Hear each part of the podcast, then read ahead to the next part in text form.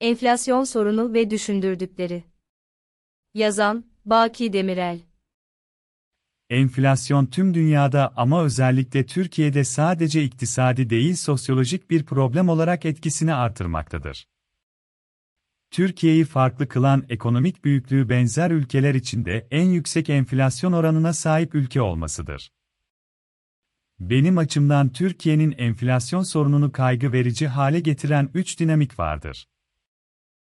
Bunlardan ilki elbette enflasyonun ücretli gelirleri erozyona uğratmasının bir sonucu olarak artan yoksullaşma ve yaşam kalitesinin bozulmasıdır.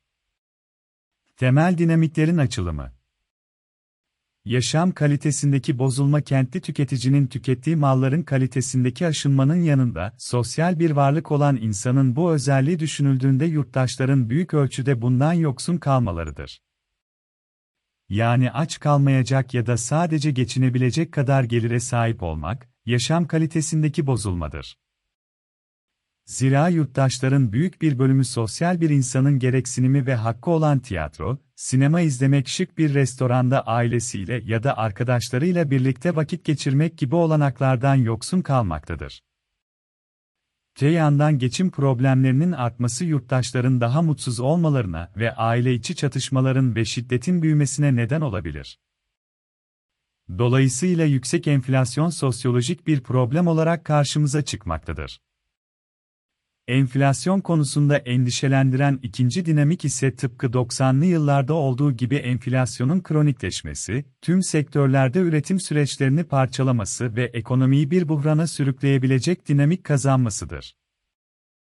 Bu dinamik ilk dinamikten yani artan yoksullaşmadan azade değildir ve karşılıklı olarak birbirini besleyebilecek özelliklere sahiptirler.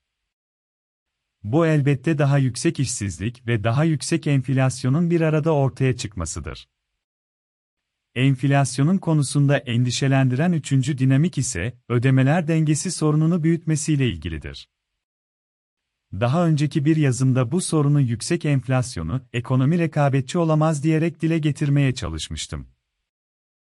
Ülkemiz maalesef Ukrayna-Rusya savaşından en fazla etkilenen ve etkilenecek olan ülke durumundadır. Özellikle tarım ve turizm gibi ekonomimiz için hayati olan iki sektör, savaş koşullarından en fazla olumsuz etkilenilecek sektörler olarak gözükmektedirler. TL'nin aşırı değer kaybetmesi kadar, yoksullaştıran büyüme, dış ticaret, döviz kurunun baskılanması ya da enflasyonun altında artış göstermesi de, ticaret kompozisyonumuz gereği dış satımın azalması, ödemeler dengesi problemini büyütmektedir. Nitekim enflasyon, maliyet enflasyonu, artarken reel efektif kurun yatayda kalması böyle bir sorunu ortaya çıkartmıştır. Bununla birlikte küresel enflasyona karşı ana ticaret partnerlerimizin daha sıkı para politikası izlemesi ya da izleyecek olması dış talebi olumsuz etkileyerek ödemeler dengesi problemimizi büyütmektedir. Tüm bunlar elbette geçmişin, ekonomiyi gittikçe dışa bağımı hale getiren politikalarının bir sonucudur. Dolayısıyla 2002-2014 döneminin övülen politikaları bu bağlamda yaşadığımız yüksek enflasyon sürecinin de en önemli nedenidirler. Şunu söylemeye çalışıyorum, tüketici enflasyonunun yüksek olmasının 2021 yılı Eylül ayından itibaren politika faizinde yapılan 500 BSP indirime bağlı olarak kur artışındaki hızlanmanın bir sonucu olduğu pek çok iktisatçı tarafından dile getirilmektedir. Elbette öyledir. Nitekim aşağıdaki grafik 1 ve grafik 2'de gördüğümüz durumda tam olarak budur.